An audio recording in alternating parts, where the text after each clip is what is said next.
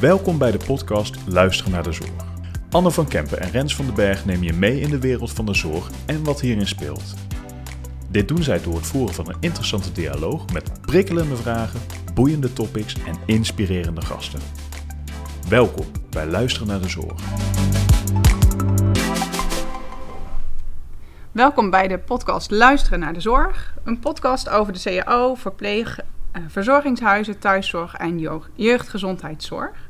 Ehm, de CAO heet De Cliënt Centraal, de medewerker op één. Nou, wie heeft er nou zin in een podcast over een CAO? Nou, wij, Rens van den Berg en Anne van Kempen. En vandaag hebben wij een gast. Daar komen we zo op terug. Ehm, en daarbij eh, is ons opgevallen dat er nog geen enkele podcastreeks is over een CAO. En dat in de grote hoeveelheid podcasts die er tegenwoordig gemaakt worden. Ehm, de belangrijkste reden voor deze podcast is dat deze CAO vernieuwend is. Een CAO geschreven voor de medewerker met aansprekende onderwerpen en teksten die daadwerkelijk kunnen helpen. Zo denken wij. Eh, maar wat houdt dat dan in? Eh, dat hoor je in een reeks podcasts waarbij we met verschillende personen spreken over deze CAO. De CAO dus vanuit verschillende perspectieven onder de loep genomen. Bedoeld voor HR en learning professionals, maar ook voor zorg en ja, iedere andere ge- geïnteresseerde. Ja, super. En ehm, als we even terugkijken naar de vorige podcast, eh, daar hebben we natuurlijk met eh, Kees de Wild, eh, een van de bedenkers, zijn we al wat dieper ingaan op wat die CAO betekent. Ehm, en vandaag gaan we het hebben over werkgeluk. En daarom hebben we een speciale gasten, Sabine. Sabine Uitslag, wie kent het niet, maar misschien dat je je Ja. toch nog eventjes wil voorstellen, Sabine. Ja, nou, mijn naam is Sabine Uitslag. Ik ben verpleegkundige van huis uit, gezondheidswetenschapper en hou me met besturen van ziekenhuizen of van zorg- en welzijninstellingen bezig. Ehm, bedenker van de Kleingelukkende Zorgshow, Waardenladers. En eh, hou me bezig met vrouwelijk leiderschap in de zorg. En ben ook directeur werkplezier bij FVG. Hartstikke leuk. Dus met wie kunnen we dan beter dit gesprek eigenlijk voeren over werkgeluk? En ehm, interessant is ook, we hebben dit natuurlijk even een beetje voorbereid. En toen waren we al eh, volle bak aan het kletsen over allerlei inhoudelijke thema's die voorbij komen. Ehm, maar eventjes terug naar de openingsvraag van jou, Anne. Nou ja, het leek ons mooi om te beginnen met de benaming van de CAO. Nou, die is dus de cliënt centraal, de medewerker op één. Wat vind je er eigenlijk van, Sabine?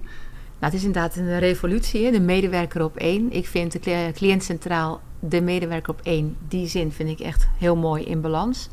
Ik merk in de praktijk dat heel vaak dat eerste stukje van de wagen valt.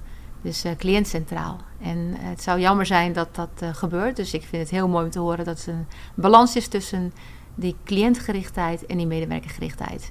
En na al die jaren dat heel erg die patiëntgerichtheid centraal stond. Ik kan me nog het groene boekje van Grijpdonk herinneren, waar ik ben opgeleid bij de HBO, HBOV. Patiëntgericht verplegen. Ik ben daar zelfs op afgestudeerd bij verpleegwetenschap.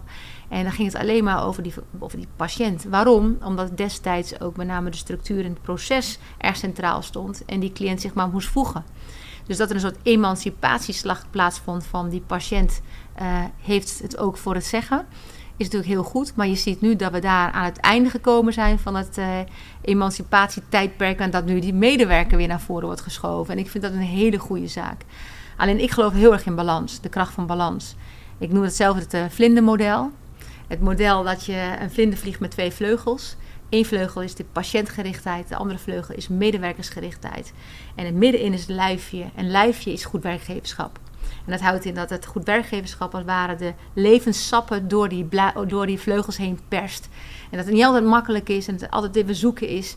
Maar uiteindelijk is, als dat goed geregeld is, goed werkgeverschap, dat de werkplezier gevonden kan worden, dat de vlinder kan vliegen.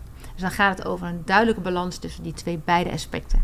Nou, af en toe moet je even uh, iets in het licht zetten, want dat heeft te weinig aandacht gekregen. In dit geval staat medewerker centraal, dus helemaal uit het had gegrepen. Maar laten we zorgen met elkaar voor die balans. Ja, heel mooi. mooi. Heel mooi, Oh. ja. En, en, die, en dat, ik, moet, ik moet direct denken aan het butterfly effect. Ken je dat? Ja, zeker. Dus de, En, en heeft dat verband chaos, eraan mee? Nou ja, dat is dan weer de... Hè, dat is dan weer, maar als Ja, je het vanuit ja, daar- bekijkt... Nou, ik zie dat wel, want die vlinder vliegt namelijk in het, eh, in het luchtruim. En eh, in de, de, de, de, de ruimte om die vlinder heen waar hij in kan vliegen is de maatschappij. Nou, en dan kom je bij een heel interessant iets wat mij heel erg bezighoudt de laatste tijd. En als je uitzoomt, zie je dingen veel meer in perspectief. We, zitten vaak, we zijn zo gefragmenteerd in Nederland. We, zijn, zien heel goed de details, zijn we ook heel goed in. Maar uiteindelijk moeten we ook weer uit kunnen zoomen om te kijken hoe het ene deel op het andere deel reageert. En of daadwerkelijk dat de doelstelling uh, haalt. Maar het luchtruim, dat is uh, de maatschappij. Wij, wij zijn zo in de, ja, in het ik, in, in het ik verzand geraakt. Dat heeft ons ook heel veel gebracht. Ik ben niet van iemand die zegt, ja, dat is fout. Nee, alles brengt ons ergens. We hebben het neoliberalisme van harte omarmd. Dat heeft ook onze zorg beïnvloed. Dat heeft ons ver gebracht. Maar we zijn nu ook daar aan het einde van dat tijdperk gekomen. Daar ben ik echt van overtuigd. We moeten van het neoliberalisme naar een nieuw model. En dat is het ruim waar die vlinder in vliegt. En dan kan je terugkijken. Dan hebben we natuurlijk het Rijnlandse model, waarin uh, nou, die, die verbinding tussen mensen heel erg centraal staat. Het heeft ons veel gebracht ook, coöperatiedenken. Maar uh, dat heeft ook nadelen. Hè? Dat, het eeuwige wachten op elkaar. En dat, soms moet je ook doorpakken. Dus ik ben heel erg op zoek, uh, Rens en Anne en luisteraars. Misschien is dat iets wat we samen kunnen oppakken. Van welk paradigma gaan we aanhangen met elkaar? Wat, wat is de nieuwe manier van kijken? Wat is het nieuwe mensbeeld? Want daar ben ik heel erg van. Wat is het nieuwe mensbeeld wat ons in beweging kan zetten? Waar weer lucht onder die, onder die vleugels komt. Waar mensen weer kunnen, kunnen, kunnen vliegen. En dan zou ik best wel ook wel willen zeggen dat werkplezier ook leefplezier is. Want ik geloof niet in de scheiding tussen privé en werk. Nee, dat sluit aan overigens voor de mensen die niet weten wat de chaos-theorie of butterfly effect is. Het wil eigenlijk zeggen als het vlindertje hier begint, wij zitten nu in IJsselstein, begint te fladderen. Is dat een aardbeving in, in Japan? Ja, een orkaan. Of als je het steentje in het water gooit, dan veroorzaakt het een tsunami. Maar als we die nou in het positief daglicht uh, zetten, dan zou het ook kunnen betekenen dat we een beweging op gang uh, ja. moeten gaan brengen. En, en, en, dat, dat is natuurlijk wat jij ook zei. Anders kijken, dus anders kijken naar de zorg. Ja. Um, en wat ik uh, interessant vind om er even bij te halen, zijn in mei natuurlijk twee belangrijke rapporten gepubliceerd: het CUPTA-rapport en het rapport van het RVS. Um, over uh, eigenlijk de fundamentele herijking die nodig is tussen familiaire zorg en um, de professionele zorg. En als je dat eigenlijk ook weer koppelt aan anders kijken en anders denken en aan dat mooie en dat butterfly effect, hoe gaan we die beweging dan op gang uh, brengen? Ja. Het is natuurlijk een belangrijke vraag. En, en in het verlengde daarvan, waarom ik het zeg, is omdat wij in, in in de introductie net al eventjes uh, met elkaar bespraken, is dat we er wel met z'n allen van overtuigd zijn dat als we ervoor kunnen zorgen dat de familie een bijdrage gaat leveren waardoor de kwaliteit van leven van kwetsbaren uh, verbetert, dat dat iets met werkgeluk doet. En ik was zo benieuwd hè, hoe jij dat ziet en hoe we die beweging dan, die butterfly, die positieve butterfly effect kunnen gaan creëren. Ja, nou, het hangt allemaal met elkaar samen. Hè? Dus die butterfly, uh, dat effect, dat dat, dat, dat gaat gebeuren. Want ik ben ook heel positief uh, in die zin van een beweging, ook al is het een kleine beweging, kan grote gevolgen hebben. Dus je moet ook een beetje af van, ja, maar het is zo complex. Uh, weet je, ik blijf maar doen wat ik doe. Of op de werkvloer van, ja, wie ben ik dan om een verandering uh, te bewerkstelligen? Ja, iedereen. Dus hoe klein. Dus ik ben het helemaal met je eens, Rens. Positief, een kleine beweging, groot gevolg. Dus dat, dat vooropgesteld. Van een ik-maatschappij naar een wij-maatschappij, daar bedoel ik ook mee van dat het niet alleen maar om het, nou ja, het, het, ik ga en ik vergaar mij rijkdommen en ik uh, hè, leef fijn en de rest kan eigenlijk een beetje stikken. Nou, als je naar een familie, naar een wijcultuur, dan kom je ook al gauw bij je naaste, dus die verbinding. En um, ja, hoe kom je daar dan? Nou, ik werd wakker en ik had een aantal driehoeken in mijn hoofd, achter elkaar. En die wil ik graag met jullie delen, want misschien komt dan met, dat wij, met die wij samenleving. De eerste driehoek was anders kijken, anders denken, anders doen. Als we niet anders gaan kijken, dan blijven we altijd doen wat we deden, want dan zien we wat we altijd zagen. Dus we zeggen heel vaak in de zorg: nee, we gaan anders doen. We gaan anders doen, we gaan anders werken. Maar het kan pas als je anders denkt. Maar aangezien de mens van nature niet zelf innovatief is, maar innovatief wordt in relatie met anderen, je kan alleen maar dat bedenken dat wat je al weet, uh, zul je ook anders moeten gaan kijken. Dus als we anders willen gaan kijken, dan zullen we de moeite moeten nemen uit ons eigen ja, situatie te stappen en in de vliegtuig te gaan stappen en kijken wat gebeurt hier allemaal. Of vanuit kunst, vanuit cultuur, vanuit allerlei andere aspecten. En de brillen durven op te zetten van die ander om te zien hoe die ander dat ziet. Dus anders kijken gaat heel ver. Maar dat is wel het begin. Niet het anders werken is het begin. Anders kijken. Andere driehoek was verstillen, vertragen, vertrouwen, verbinden. Verstillen en vertragen, dat doen wij heel slecht. We rennen hele dagen door. En dan zeggen we, moeten anders, we moeten anders. Ja, we gaan echt ook anders kijken. En ondertussen rennen we van hot naar her. Dus vertragen heb je nodig om daadwerkelijk in verbinding te kunnen raken met jezelf, weer, maar ook met die ander. En als je dat niet doet, als je niet verstilt, je kan geen contact maken met anderen, dan kan je ook iemand niet vertrouwen. Dat vertrouwen, pas, en pas als je iemand vertrouwt, dan kan je verbinden. Nou, wat gebeurt er? We zeggen allemaal, we moeten verbinden. Regionalisering in de zorg. We moeten gaan regionaliseren. Ga verbinden met elkaar. Uh, ja, van mensen die dat nooit gedaan hebben, die alleen maar in, dat, in, een, in een instelling of in een afdeling, is dat wel even wat anders. Ja, maar hoe dan? Hashtag hoe dan? Dus ook daar moeten we weer een stap terug, twee stappen terug. We moeten elkaar weer leren vertrouwen, maar ook jezelf. Nou, en als je dan die twee driehoeken op elkaar zet, heb je een piramide. En dan in die piramide heb je een basis. Een basis is namelijk een horizontale ontwikkeling en verticale ontwikkeling. En die horizontale ontwikkeling zijn de skills en de vaardigheden. En daar zijn we heel goed in. Dat noemen we dan BIG. We houden allerlei mooie, bij HR ook, of cultuur en organisatie, menscultuur en organisatieafdelingen, houden we dat allemaal bij. Hartstikke mooi. Maar we vergeten de verticale ontwikkeling. En die verticale ontwikkeling, dat is, wie ben ik eigenlijk? Wat kom ik hier eigenlijk doen? Wie ben ik in relatie tot mezelf, tot die ander, tot mijn organisatie? Dus als je zegt van, goh, hoe kunnen we deze butterfly, hoe kunnen we die vlinder, de balans tussen patiëntgericht, medewerkersgericht en goed werkgeverschap, wat leidt tot werkplezier, door vormgeven, dan zullen we echt ook terug moeten naar die basis van die piramide. En dat is naast verticale ontwikkeling, ook naar die horizontale, of, of naast horizontale ook naar verticale ontwikkeling. Nou hoop ik dat de mensen me nog volgen allemaal. Maar dat is wel hoe ik het, uh, hoe ik het zie. En uh, we moeten ook stoppen om te denken, ja, dat moet heel snel gebeuren. En liefst in een, in, in een regeerkabinet. Dit is een cadans van, van de samenleving, van het zijn waarbij we met elkaar op uitkomen.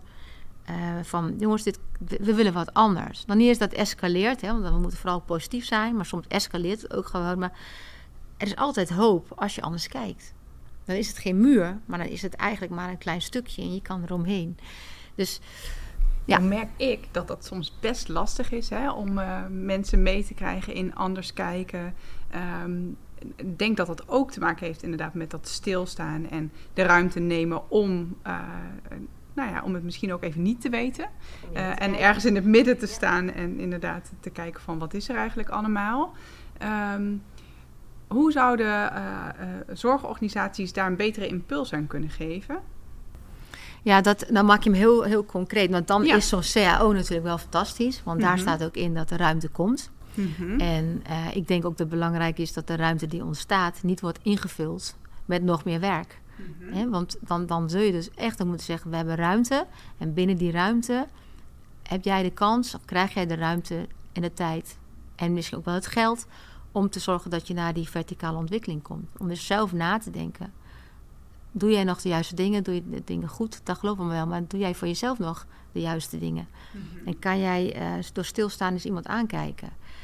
En ik denk ook um, dat de dialoog, het faciliteren van de dialoog... de dialoog zijn dus visdraadjes in die piramide. Zonder dialoog, en dat is wat anders dan communicatie... want dan noemen we nou op, we moeten communiceren... Maar dat is wat anders dan een overdracht met drie punten die ik jou vertelde. Dat je meneer Jansen op die manier, wanneer moet je meneer Jansen draaien en hij moet zijn pillen hebben enzovoort. Dat is ook communicatie. Maar waar ik het over heb, is die communicatie bij het koffiezetapparaat. Dat je gewoon eens vraagt van, hoe was je vakantie? Of, nou, uitslag, weer slecht slaap of zo, want uh, het uh, droogt een beetje. Weet je, wat is er aan de hand? Dat je gewoon weer oprecht nieuwsgierig bent naar die ander. Ja. En, en dat hebben wij de afgelopen tien jaar in onze Toyota-zorg, Mean, het heeft ons veel gebracht, begrijp me goed. Maar dat heeft nu, op dit moment, holt het ons uh, uit. Ja. Nou, denk, ja, ga je gaan, maar ik denk, ik denk dat over dat stukje, daar geloof ik ook in, want we, we zijn ontzettend goed geweest in procesoptimalisatie. Maar je kunt Absoluut. natuurlijk blijven organiseren en structureren wat je wil, maar in de zorg zijn het toch de mensen die het moeten doen. En eh, die moeten de ruimte hebben om elkaar in de ogen aan te kunnen kijken en een stukje reflectie op te doen. Ja, dat denk ik ook. En ik krijg toch ook nog even terug op de CEO, want daarin wordt bijvoorbeeld ook het goede gesprek uh, benoemd. En ik weet, hè, Rens, jullie gebruiken die ook in allerlei leertrajecten, het goede gesprek. En uh, ik, ik denk zelf dat we ervoor moeten waken dat we het goede gesprek niet iets zien als iets groots, zeg maar, wat we doen in een kamertje waarbij we uh, er echt ook de tijd voor moeten nemen of uh, het moeten inplannen, maar dat dat ook iets is veel meer in aandacht voor elkaar en dat dat ook in het ondertussen kan gebeuren.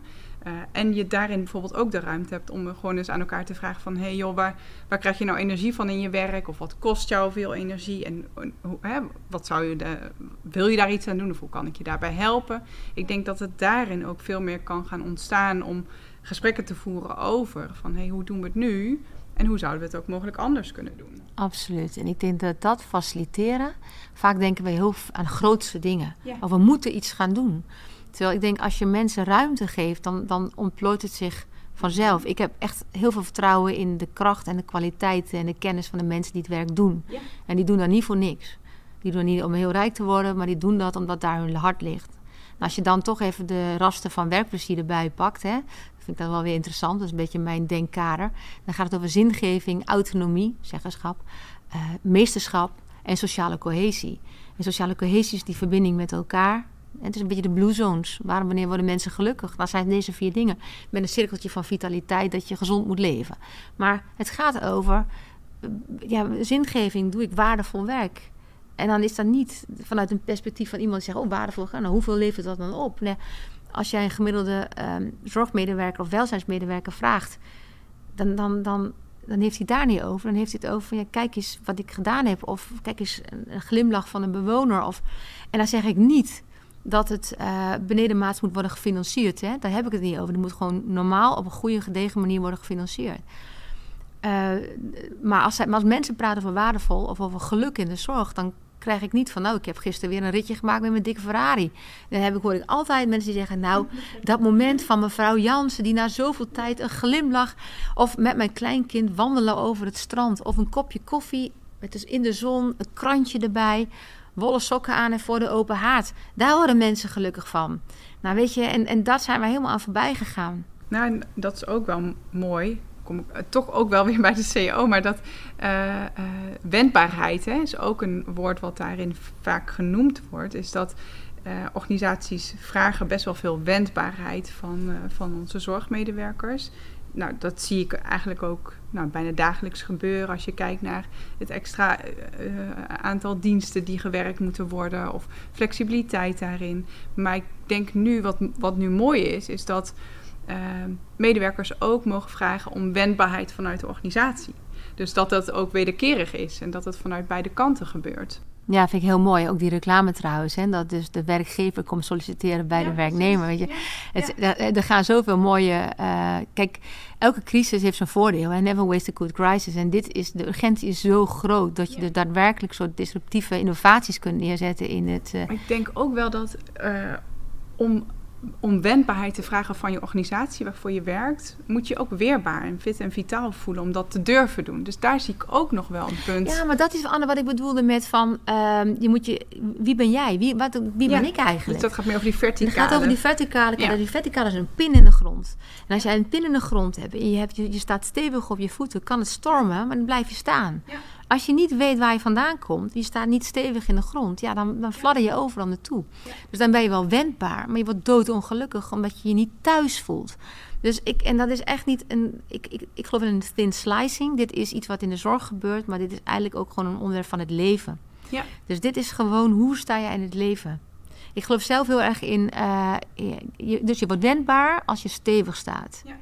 En dat is wat anders dan je ingraven. Dan is het angst. Maar het gaat om dat je met je voetjes staat ingegraven en dat je met je lijf kan bewegen, zeg maar. Maar dat je ook weet van, nou, ik moet nu hier weg en ik ga nu een eindje verderop mij planten. Dus het gaat heel erg over die persoonlijke ontwikkeling. Maar persoonlijke ontwikkeling wel in ontwikkeling van het wij. Ja. En dat vind ik echt een groot verschil. En dan kom je toch weer bij die wij-maatschappij uit, Rens, waar jij het over had. had is dat je je ook gedragen voelt in iets wat groter is dan jezelf. Dat is namelijk die samenleving. En daarin investeren, dus nu ook investeren in de mensen om je heen, betekent ook het vangnet voor later. Dat klinkt heel erg uh, berekenend, Eh, maar dat gaat ook veel geleidelijk. Dat ging vroeger, miljarden jaren voor ons, heel geleidelijk namelijk. Daar dachten ze helemaal niet over na. Eh, en natuurlijk, je kan de, de stenen tijdperk niet vergelijken met nu, begrijp me goed. En, ik, ehm, en ook niet de jaren zeventig met nu. Um, en gelukkig is de kinderopvang en kunnen we met elkaar ook wendbaar zijn in deze, of in deze samenleving. Maar het is natuurlijk wel iets wat heel van nature in ons zit. Dus we, eigenlijk zouden we veel meer terug moeten naar, zo zou ik het willen zien, naar het natuurlijk organiseren. Van ja, maar wij zijn zo tegen natuurlijk aan het organiseren. In onze organisaties, maar ook in, onze, in ons leven. We groeien een bepaalde kant op. Terwijl de zon daar schijnt, gaan wij naar links schijnt, gaan wij naar rechts of zo. Ja, en dat, dat is zo mooi wat je zei over dialoog. Hè? Want ik, uh, ik geloof ook dat we betekenis moeten geven aan de dialoog. En, en we hebben het eigenlijk over als, je dat, als we echt willen dat we anders gaan kijken. En dat iedereen zichzelf de rust en de ruimte gunt om ook anders te gaan handelen, anders te gaan zorgen, mantelzorg te betrekken, familie te betrekken, dan zouden we in die dialoog zouden we eigenlijk moeten komen tot gedeelde betekenis. En, en dat ontbreken. Ja. ja, precies. Want we hebben vaak geen gedeelde betekenis doordat de waan van de dag ons forceert om anders uh, te moeten zorgen. En dat vond ik zo opvallend ook in alle stukken die er zijn gepubliceerd de afgelopen periode. Door de brancheverenigingen, door de, zijn er nog de rapporten. Wat, ja, ja, daar zie je eigenlijk één ding, uh, één rode draad. En dat is de executie en innovatiekracht. Dus blijkbaar krijgen we toch onvoldoende voor elkaar om het ook echt anders te gaan. Om die dialoog, die betekenisvolle dialoog, met als doel ja.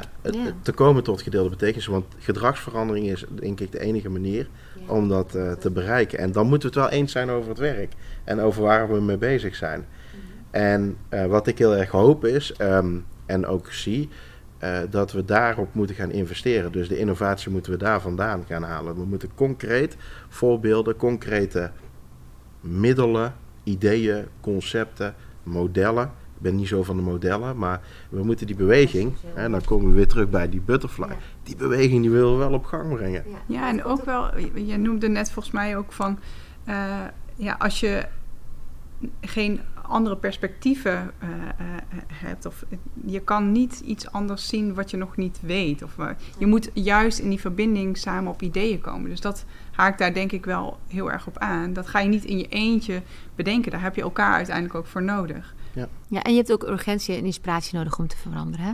Dus het is inspiratie, dat is eigenlijk zo mooi dat jullie dit ook doen rondom uh, nou ja, de CAO, zeg maar. Het is echt ook een mooie podcast ook. Er zijn heel veel mensen met mooie podcasts, zeg maar. Dit is heel belangrijk deze, omdat dit ook iets is voor de medewerkers zelf. Hè? Dus dat zou uh, een goede zaak. Maar je hebt ook urgentie nodig. En die urgentie is er ook. En dat bedoelde ik net met, uh, ik ben positief, maar ik zie ook wel dat het niet gaat zoals het nu is. Dus we moeten op een andere manier gaan organiseren. En de vraag is dan hashtag hoe dan? Nou, dan doe je dat samen met de mensen die het gaan doen. ik kom zelf uit de zorg en ik heb als Kamerlid ook al gezegd van jongens, laten we nou eens meer gaan luisteren naar die mensen die het werk doen, want die hebben echt wel echt goede ideeën.